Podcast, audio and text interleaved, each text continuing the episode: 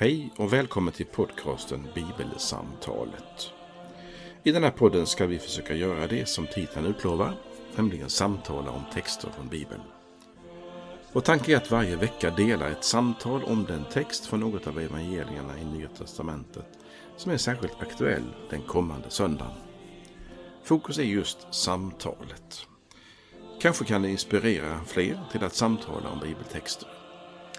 Välkommen att vara med i samtalet på något sätt. Vi som gör den här podden det är Fredrik Borglin, kommunister i Istorps pastorat och Karl Magnus Adrian, präst bland annat tidigare i just Istorps pastorat. Välkommen att vara med. Ja, i samtalet idag så ska vi eh, få läsa och samtala om och utifrån en text i Lukas kapitel 21. Och det gör vi för att nu tar vi sikte i dagens avsnitt, i dagens samtal. Så tar vi sikte på andra söndagen i advent. Överskriften då är Guds rike är nära. Och nu ska jag läsa eh, för dig ifrån Lukas kapitel 21, verserna 25 till 36. Jesus sade, tecken ska visa sig i solen och månen och stjärnorna. Och på jorden ska hedningarna gripas av ångest och rådlöshet vid havets och vågornas dån. Människor skall förgås av skräck i väntan på vad som skall komma över världen, ty himlens makter ska skakas. Då ska man få se Människosonen komma på ett moln med makt och stor härlighet. När allt detta börjar, så räta på er och lyft era huvuden, ty er befrielse närmar sig. Han gav dem en liknelse. Se på fikonträdet och alla andra träd. När de när de börjar knoppas, då förstår ni av er själva att nu är sommaren nära. På samma, sätt, på samma sätt vet ni, när ni ser detta hända, att Guds rike är nära. Sannerligen, detta släkte ska inte förgå förrän allt detta händer. Himmel och jord ska förgå, men mina ord ska aldrig förgå. Var på er vakt, så att inte era sinnen fördunklas av omåttlighet och dryckenskap och livets bekymmer Annars överraskas ni av den dagen som av en snara. För den ska komma över alla som bor på jorden. Håll er vakna hela tiden och be att ni får kraft att undfly det som väntar och kan stå upprätta inför Människosonen.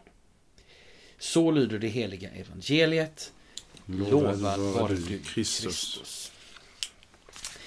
Ja, eh, vi sa vid något tillfälle, inte för ett år sedan, men för några veckor sedan, tror jag, att det går en röd tråd, alltså det finns ett samband mellan kyrkoårets slut och kyrkoårets början. Eh, och nu har vi gått in i ett nytt kyrkoår och vi kan liksom minnas, titta i backspegeln på eh, de sista veckorna av det förra kyrkoåret. Och den röda tråden skulle vi kunna sammanfatta med Jesu ankomst, och att vi ska vara vaksamma. För det är ju någonting som möter oss i, i texten idag. Och jag tänkte att jag ville börja med att säga någonting om sammanhanget för den här texten. Eh, tidsmässigt så befinner vi oss någon eller några dagar efter det som vi stannade till inför förra veckan. Nämligen Jesus rider in i Jerusalem fem dagar före sin död en vecka före sin uppståndelse. Eh, vi har tidigare nämnt att en sak Jesus talar särskilt mycket om under de här sista dagarna, alltså, eh, det är den sista tiden. Alltså under sina sista dagar talar Jesus om världens sista dagar, kan man ju ha som en minnesregel. Eh, och det är i precis det som vi möter honom i dagens text. Under sina sista dagar talar han om sin egen återkomst och världens sista dagar. Eh, har du någon tråd, Carl Magnus, du vill börja ta tag i? Eller jag, jag kan ju ta två stycken trådar som inte är de viktigaste, men som jag bara kan börja med som kontrast till det du nämner. Mm. Det står efter inledningen om tecknen som visar sig i solen och månen, med mera, med mera, mm. så står det så här som en uppmaning till de som lyssnar. Mm. När allt detta börjar så räta på er och lyft era huvuden. Just det. Och lite senare, när han har talat om fikonträdet som knoppas och så vidare, så säger han så här, var på er vakt, mm. så att inte era sinnen fördunklas och så vidare. Alltså förutom det som vi kanske kommer att tala om, vad det är han talar, vad, vad är det Jesus nämner som ska hända? Mm. Alltså det är till det yttre. Mm. Där har vi några exempel. Mm. Tecken i solen och månen och stjärnorna, ångest och rådlöshet, skräck och sådär. Och det är inte något, något enkelt och billigt, så det menar jag inte med mitt tonfall. Eh, Men det finns två stycken uppmaningar till de som lyssnar. För det första, räta på er när ni ser det händer. Jag tolkar räta på er, lyft era huvuden som var frimodiga. Mm.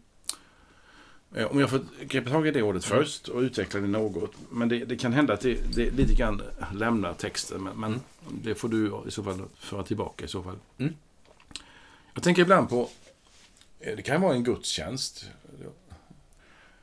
Eh, Så kan det hända att man, när man är med där själv, eller om du eller jag leder en gudstjänst, så, så kan det vara liksom, ja, man är med om någonting.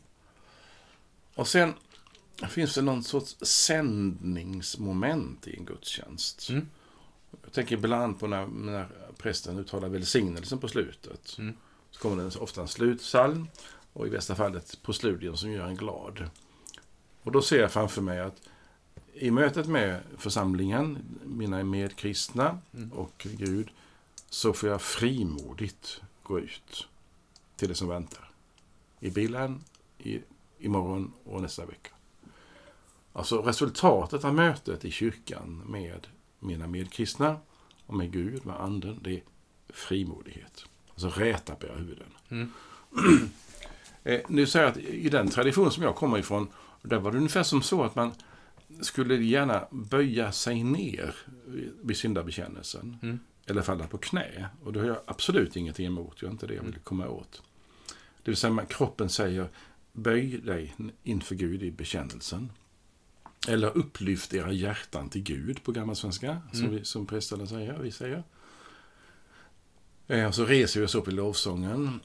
Så det är många moment som talar om kroppens inställning ju i gudstjänsten.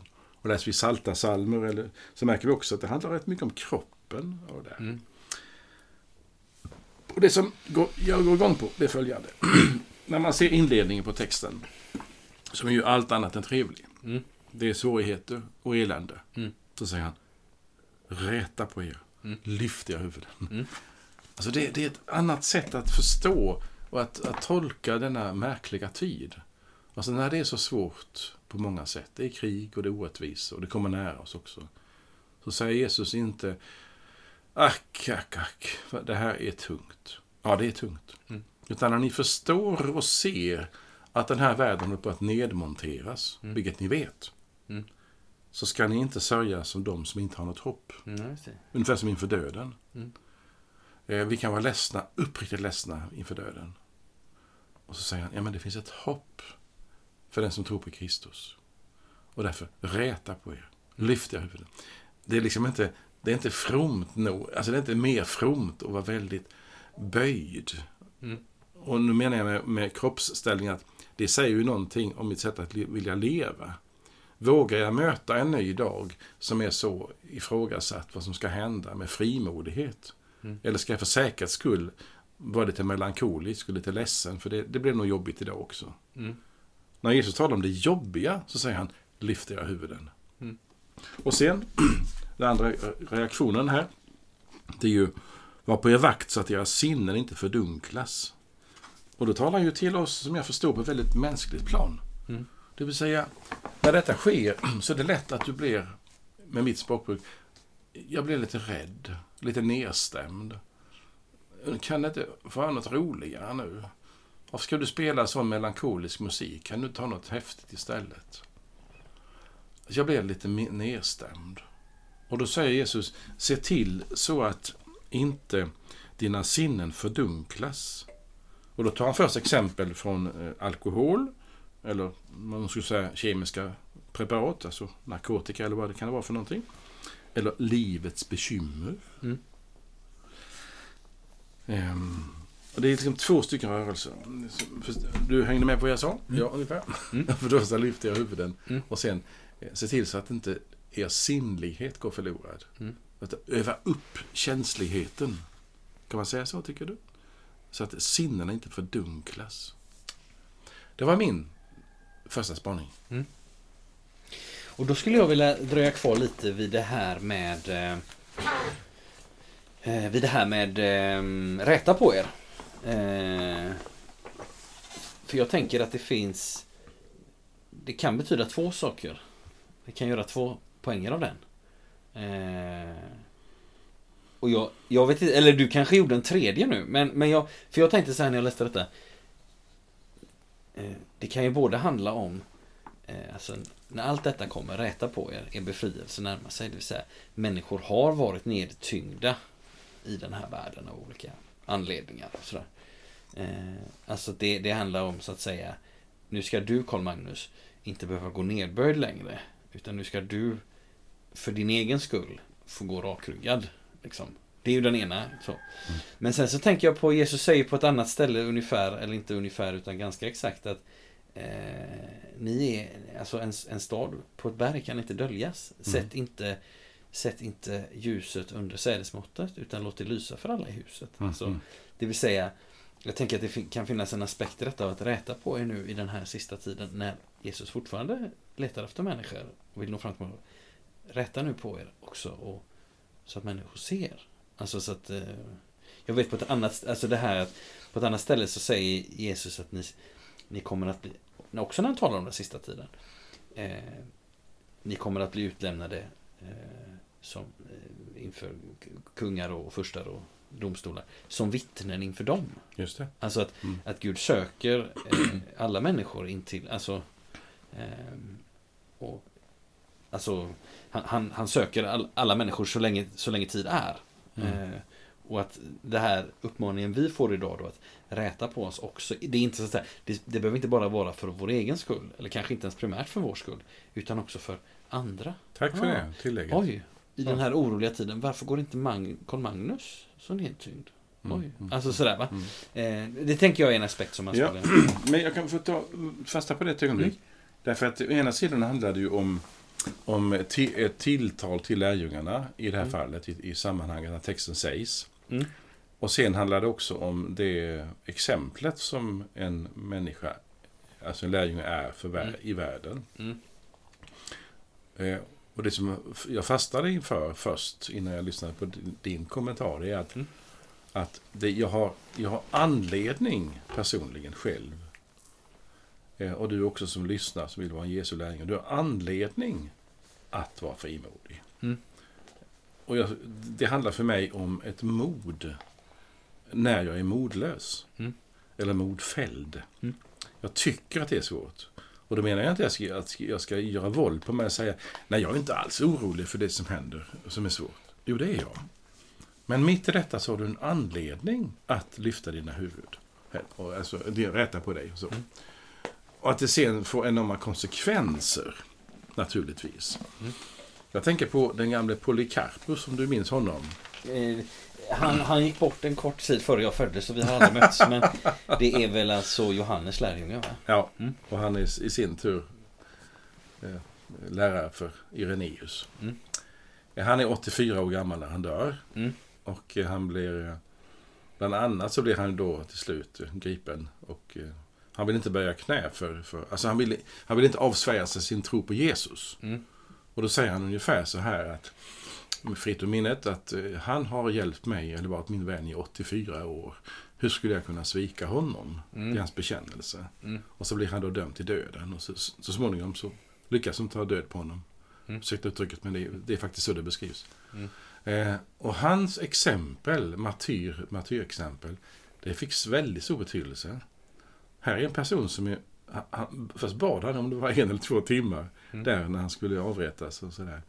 Hur kan han vara så frimodig för döden? Och då menar jag att det är ju inte ett inlärt beteende. Nu ska alla kristna som har det svårt eh, glömma sina, sina bekymmer och, och bara liksom eh, gå in i en sorts nytt, eh, ja, göra våld på dig själv. Nej, men man får säga till sig själv, jag är kanske orolig inför döden. Jag kan vara orolig inför kriget. Jag kan vara orolig inför klimatproblemet i världen. Mitt i min oro Mm. Så får jag lov att rätta på mig. Och så får jag säga det till, till, till andra människor också. Mm. Och det finns någonting vad ska man säga, en frimodighet mitt i. Mm. Förstår du vad jag vill komma åt? Mm. Alltså mitt i. Inte bara efteråt, utan Nej. mitt i. Mm. Och det tror jag är ett unikt eh, vittnesbörd i denna världen Mm. Från Gud själv. Därför att vi har inga löften om att, att, det ska bli, att vi ska befrias ifrån allt lidande och allt död, död här på jorden. Nej. Utan det är kvar hos oss. Mm. Hur ska vi tackla det? Mm. Eh, och då finns det anledning för en kristen människa, menar jag, att vara frimodig. Också mitt i. Mm. Ja, slut om det. Jag behöver Mm. prata mer om det. Nej. Jag tänker på det här också som, eh, som Jesus, eh, alltså eh, eftersom jag började samtalet idag med att, eller jag liksom förde in den grejen, det här med att det finns ett samband nu mellan den här söndagen och eh, adventstiden och det är förberedelsetid och sådär. Eh, och, och- de sista söndagarna i kyrkans år, alltså som vi hade för några veckor sedan.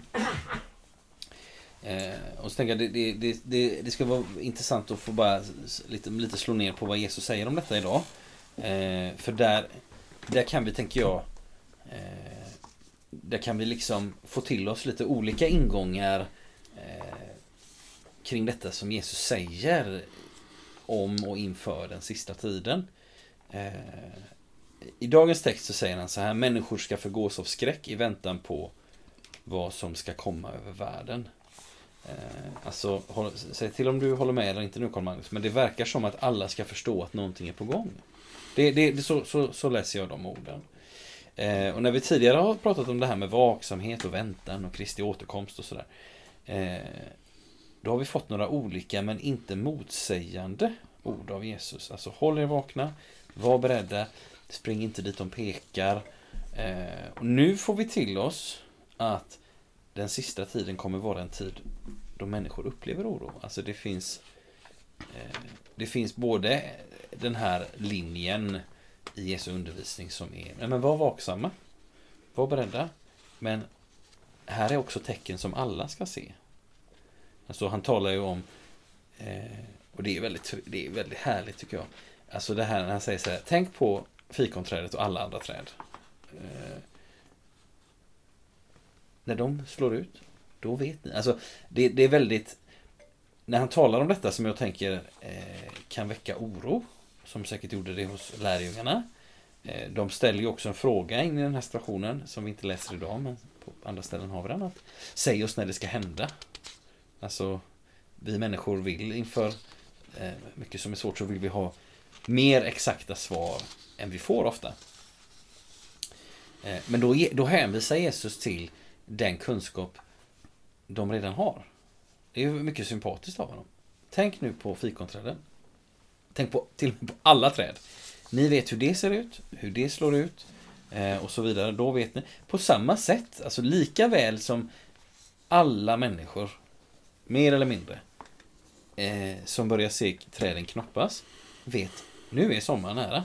Det är inte en hemlig, esoterisk, eh, skum eh, specialkunskap för några få invigda, utan det är, det är för alla. Det kan alla människor dra till sig. Mm. Eh, på samma, och på samma sätt, säger Jesus, så är det med detta. Det vill säga, det finns eh, det finns en det finns någonting här som inte handlar om att några få eh, särskilt eh, smorda människor ska se eh, och kunna räkna ut olika mönster och grejer utan det är väldigt tydligt. Och det är, alltså det är skönt. Mm. Alltså det är skönt att få den typen av i, i vilken situation, jag menar vi har alla upplevt oro eller fått höra tråkiga nyheter och vi har frågor, vi vill ha svar. Eh, då är det väldigt skönt att få höra sånt här. Ja Mm. men du Fredrik, det här, det här vet du ju. Eh, Och det kommer vara på samma sätt med detta. Åh, okej. Allt blev inte lugnt direkt men där fick jag någonting att hålla i. Det tycker jag är, ja det tycker jag är gott. Jag tycker, eh, men det, jag tycker det är en rätt beskrivning av den, det du, texten vi läser. Ja. Jag tycker samtidigt att, att när du sammanfattar det så, så är det väldigt dunkelt. Mm. Därför att det här, det här är uttalat av Jesus, kanske år 33, 32. Mm. Och eh, han har inte kommit tillbaka än. Nej.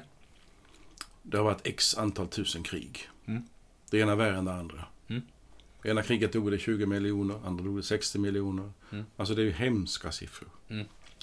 Eh, sen eh, lever du och jag i en tid Mm. som, som också är orolig på många sätt. Mm. Det finns ingen period utan den oron.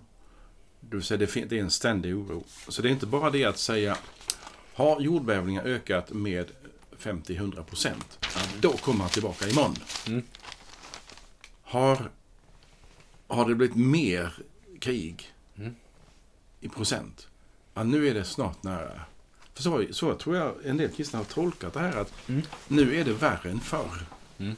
Och jag, min tes är, det går inte att ha den typen av teologisk grund, Nej. Att det är värre än förr. Nej. Utan när det händer så ska det vara väldigt tydligt. Och det var det som var med din sammanfattning nyss. Mm. När det riktigt närmar sig, då är det övertydligt. Mm. Och bara uttrycket tecken i solen och månen och stjärnorna, Mm. det är ju inte något krig i, på Island. För att Nej, nej, dumt- Nej, dumt nu exempel. blir det anfallna av Finland. eller? Nej, just det. Utan det är ju ett enormt steg. Alltså. Ja. Och det betyder att när det här sker, det Mm. kan ske plötsligt, och det verkar ju så vissa texter av Jesus att när det här eh, nedmonteringen börjar, Mm. så är det dels någonting som man märker långsamt, långsamt, långsamt. Mm. Det, är, det blev inte paradiset på jorden Nej. efter Edens lustgård. Det har inte Nej. upprättats. Nej.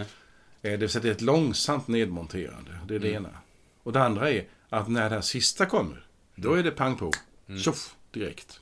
Så det är både ett långsamt, Mm. långsamt, en degenerering på något vis kan man Mm. få kalla det för. Och en markering. Mm. Eh, Men jag vill ta upp någonting som, som öppnar upp att, eh, förutom det som vi pratade om nyss, det vill Mm. säga att, att se både då att han säger det, som var din kommentar, Mm. och när jag pratade om det här med att lyfta huvuden och bevara sinnesron och sådant. Så när du citerade nyss om fikonträdet Mm. Så har det alltid varit en viktig sak för mig. Jag ska bara kort visa det. Jag har berättat det för så att för det, jag kommer inte ur de här ändarna så att ni får ursäkta mig. Mm. Och det är nu, nu sa min kära hustru häromdagen till mig när jag pratade om detta. Jo men det är redan så hemma med vår kastanj, Carl Magnus, sa hon. Att knopparna håller på att, jag kallar det för att de, de blöder. Ja. Det vill säga, de förbereds nu. Ja. Vi, pratar, vi talar in det här programmet i november. 2023. Redan nu förbereder kastanjens knoppar sitt, att de ska slå ut i maj kanske. Mm. Jag vet inte när det blir. Mm. Alltså nu i höst är det ett vårtecken. Mm. Nu när det går mot nedmonteringen Mm. så är det ett hösttecken, vårtecken. Mm. Han talar om sommaren här, Jesus. Eh, alltså när fikonträdet slår ut så ska ni veta detta. Varför tar han exempel som handlar om något så fint som våren och sommaren? Mm. Det tycker jag. Mm. Och sen är det, som du vet, en psalm som vi har läst för här. Som jag, jag berättade för dig om en av mina favoriter när vi, kommer, när, vi är, när vi talar om det här på det sättet som vi gör just idag. Eh, Så är det den här salmen som handlar om evigheten och, och himmelen. Ja. På sommarsalmen där blomstertid nu kommer. Ja. Med lust och glädje tänker jag på den sommartid då Gud är sina skänker en evig ro och frid. Minns du möjligen? Ja men det var, ett par, det var ett par söndagar, Ja, eller ett par avsnitt Ja. sen vi hade Jag tycker den är väldigt aktuell även idag. Ja. Alltså just i nedmonteringen Mm. så tittar vi framåt mot våren. Mm. Aj, aj, aj. Mm. Det är sånt härligt bildspråk som används i Bibeln. Att, eh, men en bild sägs ju inte, berättar inte Jesus bara för att det är en lämplig bild, en kul Mm. bild. Mm. Utan bilden ger en del av tolkningen. Mm. Inte bara förståelse, utan tolkningen finns i bilden. Och bilden är, om sommaren eller vårtecknet är att titta framåt. I Sakarja finns det en Mm. bibelvers som lyder så här. Det kommer en dag som ska bli ensam i sitt slag. En dag då det blir ljust när aftonen kommer. Mm. Det är mäktigt. Ja. Alltså, och det ger, det ger liksom åt lidandet och smärtan en liten annan, ska vi säga, en touch. Mm. Eller jag vet inte vilka ord Mm. som Mm. passar bättre än, än ordet touch. Mm. Alltså det är någonting som gör mot aftonen när det är mörknar och så. För temat idag är ju är på ett vis mörkt. Mm. Och då säger Jesus, räta på er. Mm. Se framåt mot våren.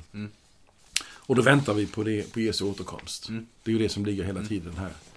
Eh, och sen talar vi om, om Guds rike som är nära, men det kanske vi kan komma till sen.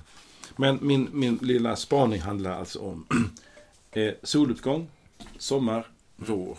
Mm. Och sen, kommer du ihåg en sak som jag just i detta ögonblick har glömt? Eh, vaktmästaren har hjälpt mig med det när jag jobbade här. Att kistan, kistorna placeras i kyrkogården med huvudet åt ett visst håll. Mm.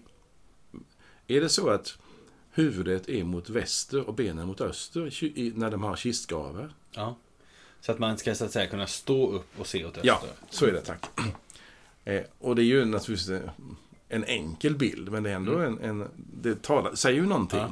Eh, att få liksom möta, bara resa sig upp halvvägs och, och så ser man mot soluppgången. Det är väldigt fint. Ja, Och jag, jag tänker på detta, nej men som du säger, det är ju en allvarlig advent. är också en... Det är återigen det här mötet mellan, eh, om vi tänker på, alltså advent är en förberedelsetid, det är en allvarlig tid. Vi har lila i kyrkan, det är, det är liksom bot och förberedelse och sådär. Eh, och så omgärdas detta av eh, dagligt glöggmys. Liksom. Nej, men alltså, så här, vi har en folklig tradition kring julen som gör att, att människor ibland, och det förstår jag att man drar den slutsatsen, att man ibland till exempel tänker att ja, men julen måste vara den största kristna högtiden. Ja. För att det finns så mycket annat påhäng. Och jag vill inte så att säga utmana, eller liksom uppmana någon att rensa ut allt detta påhäng. Men jag vill bara, jag vill bara säga att även adventstiden eh, blir ju för, tror jag, för många, det blir liksom mys. Eh, eh, men det är inte de texter vi möter här. Eh, jag vänder mig inte generellt emot att människor myser. Eh, men, men, men, men så att säga, vi får inte hjälp att mysa av de evangelietexter vi får i adventstiden. Det är ingen liksom... nej, varken så. andra eller tredje. Nej, nej men precis. Och, och, eh, och sådär. Men med Jesus, och liksom det tycker jag, det är, det är, så, det är så centralt detta att men in i detta så, så Jesus, han, så talar han in i, han talar in i den här situationen. Alltså han säger idag i evangeliet, eh, tänk på att det, ni har redan har kunskap om detta. Alltså se på, på, Mm. på träden. Eh, alltså var vaksamma, ni har redan kunskap. Och, och sen det som, det som förs in här idag, när vi liksom är på det här allmänna temat med vaksamhet som vi rör oss kring nu lite grann. Så tänker jag så här. Idag så talar Jesus också om var på er vakt, inte bara runt omkring, utan också inom oss själva. Alltså detta som du nämnde tidigare med omåttlighet, dryckenskap, livets bekymmer. Eh, så att inte era sinnen fördunklas, säger han. Och så får vi också, det skulle jag vilja lyfta fram nu, vi kan återvända till detta, men vi får ju också ett råd ifrån episteltexten. Så uppfattade jag Mm. epistelns plats idag. Eh, så jag tänkte jag skulle läsa den. Ah, Bara, eh, jag har inte så mycket kommentarer på den, men, men vi kanske hittar några i stunden här. Eh, då står det så här, Romarbrevet 15, eh, episteln eh, för söndag. Alla profetior i skriften står där för att undervisa oss. Så att vi genom vår uthållighet och den tröst skriften ger oss kan bevara vårt hopp. Måtte uthållighetens tröstens Gud göra er eniga efter Kristi Jesu vilja så att ni alla med en mun prisar vår Herre Jesu Kristi Gud och Fader. Godta därför varandra så som Kristus har godtagit er till Guds ära. Eh, Mm. Det finns också en uppmaning till eh, Ja men också till liksom gemenskapen. Enigheten som inte bara är nu ska vi tycka exakt samma i alla frågor utan vi påminns om vikten av enhet här också. Mhm. Gemenskapen. För det blir ju en eh, kan man tänka att enhet och gemenskap är två he- helt olika saker på ett sätt. Mm. Men enhet ger gemenskap skulle jag säga. Gemenskap ger inte nödvändigtvis enhet men, men eh, Hur kan det hjälpa oss, menar du, att förstå det här med, eller, eller begrunda det här med temat från evangeliet idag? mm. Hur, tänkte, hur gick tankarna ifrån det här temat i evangeliet till episteltexten? Bara säg det igen. Eh, nej men att, alltså, så att säga eh, Församlingens, gemenskapens, enhetens betydelse i det som Jesus säger idag om den sista tiden. Det vill säga, han talar ju till lärjungarna Ja. som till ett kollektiv. Just det, Eh, att hålla samman kring. Ja, ja precis. Ja. Hjälpa, stödja varandra. Ja. Eh, alltså det vill säga, och då skulle man kunna tänka så här. Om Jesus i evangeliet säger idag, eh, men med lite andra ord, det vill säga, var, upp, var på er vakt, inte bara på det som händer runt omkring, Mm. utan också på er själva. Och på varandra. Och nu menar inte jag, nu menar jag inte var på er vakt på något, eh, liksom, eh, kontrollerande, utan liksom på det också, framförallt tror jag på det uppmuntrande sättet. Ja, för det, du, vi förlåt. Eh, nej men att det liksom inte så att säga bind nu varandra med, med olika kontrollfunktioner utan eh, var på er vakt också för varandra. Godta, som du läser, Ja. godta varandra. Ja. Det är ett väldigt fint ord. Mm. Väldigt bra. Eh, jag har en fråga till dig och mig. Mm. Så är det ofta med frågorna jag har. Mm. Eh, när vi talar om det här med att, att bevara sinnesron eller, eller vad står det? Det står att um,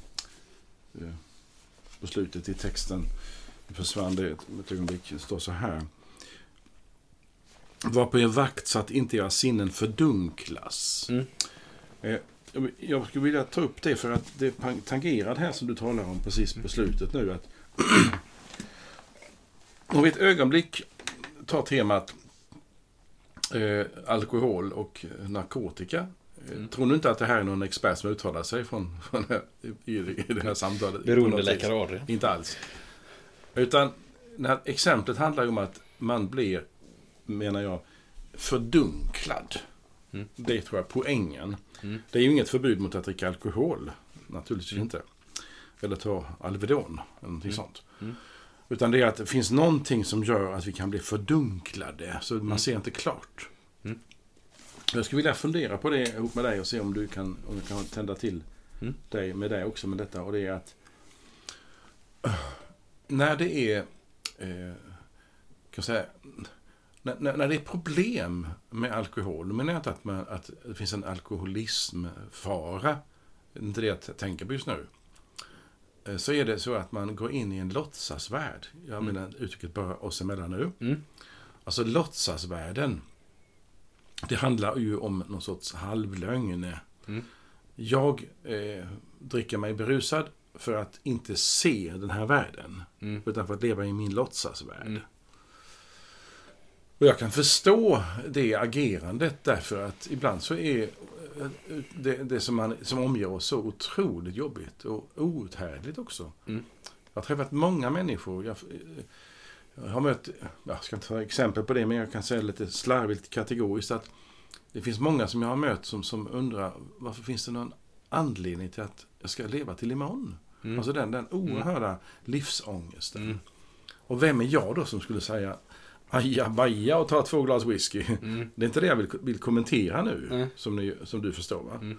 Och kanske den som lyssnar också. Mm. Utan att det finns något fördunklande Mm. Jesus tar upp. Mm. Eh, och då spelar det ingen roll vad som fördunklar mig. Vi, vi tänker bort alkohol och narkotika. Se till så du inte blir fördunklad. Alltså Mm. att, att dina sinnen blir mörka eller inte ser klart. Nej.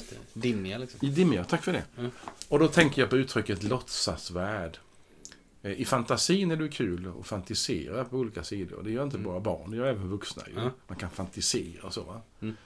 Men det finns någonting där Jesus, tycker jag, pekar på eh, var där du är. Mm. Se livet som det är. Mm. Inte som du ville att det skulle vara. Mm. Alltså ta emot det som är idag. Mm. Och lev inte idag som var igår. Utan idag är det så här. Idag regnar det. Mm. Då skiner inte solen. Då är det så blött ute. Mm. Kommer inte säga att det är fint och soligt och varmt. För det är inte det. Alltså, var sann. Mm. Att bevara sanningen om hur det är. Mm. Och genom att man övar upp sinnena så kan man också ta emot Jesus när han kommer. För sinnena tar ju in Jesu återkomst. Det är uppenbarligen så. Vi ska se att det händer, och det händer och det händer. Mm. Alltså på ett sinnligt sätt kommer Gud att uppenbara sig för oss. Mm. Eh, Och jag säger det därför att det finns ju någon riktning som du, du och jag vet som säger att Jesus har osynligen kommit tillbaka till jorden. Mm. Nej, det har han inte gjort. Mm. För när han kommer så ska alla se det. Mm. Alltså sinnena Mm. ska vi öva upp. Och då handlar det för mig om att inte leva i en låtsasvärld, det vill säga en förljugen värld. Mm. Utan är det så här, så är det så här. Mm. Är det roligt så är det kul. Mm. Är det tråkigt så är det tråkigt. Mm. Och den övningen är att få se det som det är. Mm. Det är för mig en början till att ana vad Jesus säger med att inte bli fördunklad. Mm.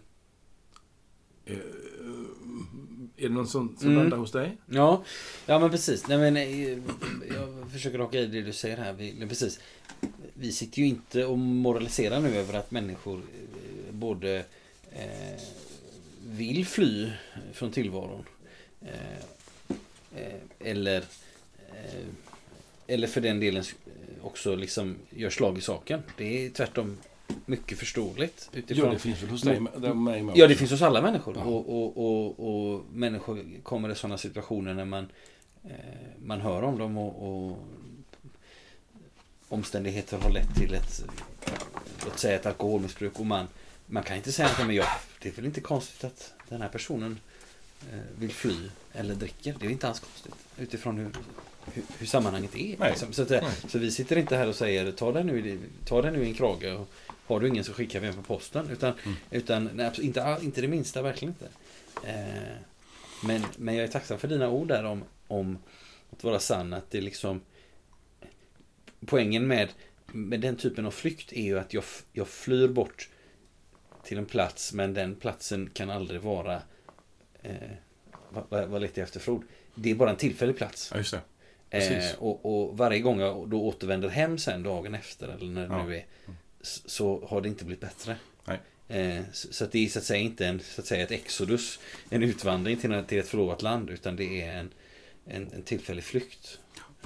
Det är intressant det är, för i samma veva att eh, Bortsett från de exempel som jag tog nyss som är lite fyrkantiga med ja. alkohol och med möjligen någonting annat. Mm. Så säger han eh, Se till så att inte era sinnen fördunklas av livets bekymmer. Mm. Eh, och det har jag ju sagt förr, det är ju ingen hemlighet att jag gör mig lätt bekymmer. Som mm. Marta gör i, mm. i, berättelsen Marta och Maria. Mm. Alltså det finns ju bekymmer som gör att man blir låst. Mm. Och jag vet ju att det, när jag då träffar människor som på ett, på ett bra sätt kan hjälpa mig så är det ju mm. väldigt, liksom, det är väldigt fantastiskt att få träffa en människa som inte säger Lägg av nu Karl Magnus med livets bekymmer. Mm. Eh, tänk positivt. Mm. Det hjälper mig inte ett dugg. Nej. Men däremot en människa som, som på något vis ger mig någonting som är helt annorlunda. Så jag, ja, men det, det är bekymmersamt och mitt i detta så finns det ett hopp framåt. Mm. Alltså det är, en, det är en sorts hjälp så att inte bekymren läggs som en bläckfisk och, och liksom suger ut allt ur livet. Det är uppenbarligen så att han förstår mycket väl, Jesus alltså, mm. Eh, vad livets bekymmer kan ge, kan mm. innebära för oss. Mm. Nämligen att man, man blir liksom upptagen av det. Mm. Man vaknar den här dagen och så är allting hopplöst. Mm.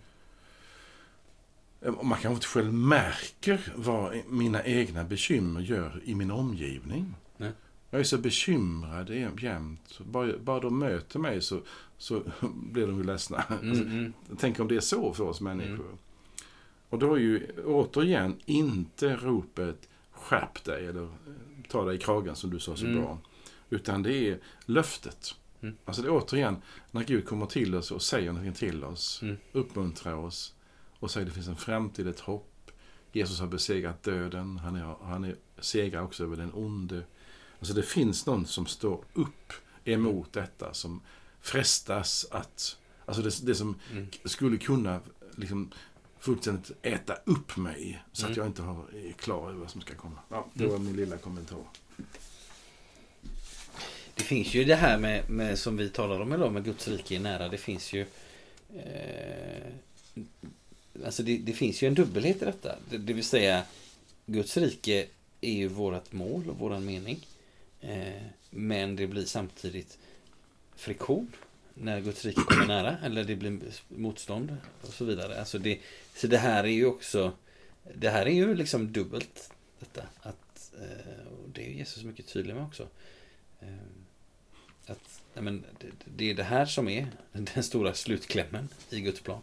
Mm. Men när det kommer nära så, så, så lever vi i en värld som inte är där vi har också Vi människor har fått ett spelrum som gör att vi har liksom inte gjort oss Vi har inte gjort världen mer, mer lik Guds rike Utan kanske snarare tvärtom mm. Eh, du nämnde ju detta förut med stegvis degenerering eller så. Mm. Alltså man kan ju tänka på om vi, vi, vi backar tillbaks till, till Bibelns allra första början och så lämnar Adam och Eva trädgården och så går det inte så jättelång tid innan det sker ett mord. Eh, men därifrån till Noa sen eh, kan vi fundera på hur lång tid det är, men det är en ganska lång tid ändå. Eh, så står det människornas uppsåt och tankar var alltid och helt genom onda. Mm. Och så var det ju inte ens med Kain. Alltså han ville ju också bara offra till en början. Han hade mm. goda intentioner och sen så mm. Fördunklades han. Men alltså så att, så att det är klart mm. att eh, det, Så det, det, är dubbelt detta. Ja. Eh, Eh, här finns nå- ett litet, eh, jag kallar det för ett nav i den här texten som jag Mm. tycker att en del cirklar kring. Mm. Och som vi inte har varit nära ännu. Nej. Mer indirekt. Mm. Kan du gissa vad det är som jag går igång på som eh, någonting som är... Jag ska, jag ska formulera mig så här. Först inleds texten med att berätta om tecken i solen och månen, stjärnorna, ångest, rådlöshet, bla bla bla, mer och mera. Mm. Och sen eh, kommer det med vårtecknet om, om, Mm. om fikonträdet. Mm. Eh, när ni ser allt detta hända, det vill Mm. säga de här svårigheterna, så Mm. tänk på att Guds rike är nära. Mm. Det sa du nyss ungefär Mm. med Guds Mm. rike. Och så kommer det. Himmel och jord skall förgå, Mm. men mina ord ska aldrig förgå. Alltså här är, här är lite mer, när jag sa så här nyss, vilket har betytt mycket för mig och betyder mycket för mig, nämligen att det jag förhåller mig till under de här, ska vi kalla det för den onda dagen, Mm. det är Guds löften. Mm. Jag kan ta det mycket enkelt. Mm. Ty så älskade Gud världen. Johannes 3.16. Mm. Det löftet räcker ju. Mm. Gud älskar världen och jag Mm. tillhör världen. Mm. Då älskar Gud mig. Mm. Det är mycket enkelt. Och jag menar att så enkelt är det på ett vis. Om man, om man skulle säga att, om man skulle möta honom, var, eller jag var hans lärjunge, så säger han, Karl glöm inte att jag tycker om dig eller älskar dig. Mm. Då är det liksom, i det inneslutet, jättemycket. Mm. Så det är fint. Ehm, och då menar jag att då, då går jag på ett löfte. Och det löftet är förankrat i Guds ord. Alltså i det vi kallar för Bibeln. Mm. Som vittnar ju om det Gud har sagt och gjort och gett oss. Så Bibeln är liksom ett vittnesbörd om Mm. det som är sagt och gjort i tiden. Mm. Men också i himmelen. Mm. Några gånger. Alltså eh, Gud ger oss någonting. Löftet. Och det sammanfattar Jesus i de här orden. Mm. Himmel och jord ska förgås. Alltså Mm. det synliga Mm. och det där i andevärlden som vi inte vet så mycket om. Ska... Ja, det kommer att gå ut för. Långt sagt. Och så ska ju någonting gå under, något ska renoveras, något ska bli förstört, jorden ska må illa. Det vill säga, det kan vi bevittna om idag. Himmel och jord ska förgås, det monteras ner. Men mina ord ska aldrig förgås. Nej. Alltså mina löften går aldrig bort. Nej. Försvinner aldrig. Det Gud har sagt och det Gud har lovat står han för. Mm. Och det är därför menar jag som, som Bibeln är så, är så fantastisk. Därför att den vittnar om det som också vi i vårt sinne, i gemenskap med Gud, kan få uppleva Mm. i trons värld. Mm. Alltså Bibeln är inte bara en bok som, som, som liksom har en text som jag ska ta ut satsdelar ur. Mm. Utan det vittnar om Guds omsorg om mig, om Mm. oss. Och talar också om det här som vi talar om idag, det vill säga nedmonteringen av jorden. Mm. Men i denna enorma skriftsamling, som är mycket större än en text, det är ju Gud själv till oss på något vis. Mm. Så kommer löftet till mig och håller mig vid liv. Och därför så är mm, ordet så stort, för det bär fram löftet. Det är Mm. ungefär som att jag har en bild ibland av att eh, jag som präst ibland får vara kypare. Jag har sagt den Mm. bilden till dig innan. Men. Jag, jag står och håller fram någonting. Eh, Så står jag och håller fram någonting. Och skriften, alltså skrifterna, är liksom en kypare som håller fram någonting för oss människor. Vi famlar inte fullständigt i blindo. Nej. Vi har någonting att gå på. Mm. Och då får säga tack gode Gud för dina löften. Mm. Ty så älskade Gud världen. Eller, Mm. jag är med dig alla dagar till tidens slut. Mm. Det är löftena som håller igång eh, trons liv. Utan löftena så är tron en, en chansning att hoppa ut och hoppas att det fungerar. Fast det är kanske 70 000, jag tror det är Kierkegaard som har uttryckt att man ska ta språnget ut på, och se om, det, om man landar på ett positivt sätt eller negativt sätt. Alltså, Mm. Finns det någon, någon avsats som jag landar på? Nej, det är mycket stabilare än så. Det är ett löfte som talar om att så här är det. Mm. Men det är mörkt, jag ser inget annat. Men det finns ett löfte. Gud, så älskade Gud världen och jag är med dig. Och redan på hösten är det vårtecken. Tack för de orden. Jag tänker, eh, vi ska gå in för landning nu här. Eh, som jag ibland säger. Eh, och, eh, en sak som vi har rört oss i idag är ju detta med eh, att vi har flera gånger nu på kort tid så har vi liksom samla, samtalat, samlats inför texter där Jesus talar om sin återkomst den sista tiden. Och vi har fått olika vi har fått olika, jag vill inte säga tips för det, det, det känns så otroligt futtigt. Men vi har fått olika ord av Jesus. Med det ena, med det andra. Ord av Eh, uppmuntran, ord av trygghet, ord av eh, varning, ord av vaksamhet och så vidare. Eh, och då skulle, jag, då skulle jag säga att det är löftet, eftersom jag hakar tag i att du pratar om löften, Magnus. Det löftet vi får här idag, det gör ju detta till något av det mest fantastiska eh, som Jesus säger just in i detta med hans återkomst och den sista tiden. Alltså precis detta du lyfter fram. Himmel och jord ska förgå, men mina ord ska aldrig förgå. Vad ska jag hålla fast vid? Ja, alltså tecken på himlen och hur väl vi uppfattar dem. Det, det är inte vägen till frälsning. Min egen uppmärksamhet kan inte vara det. Nej. Och inte heller, inte heller är jorden vägen till frälsning, för den ska också förgå. Men Jesu ord ska aldrig någonsin förgå. Håll fast vid dem. Mm. Eh, vid hans ord och löften.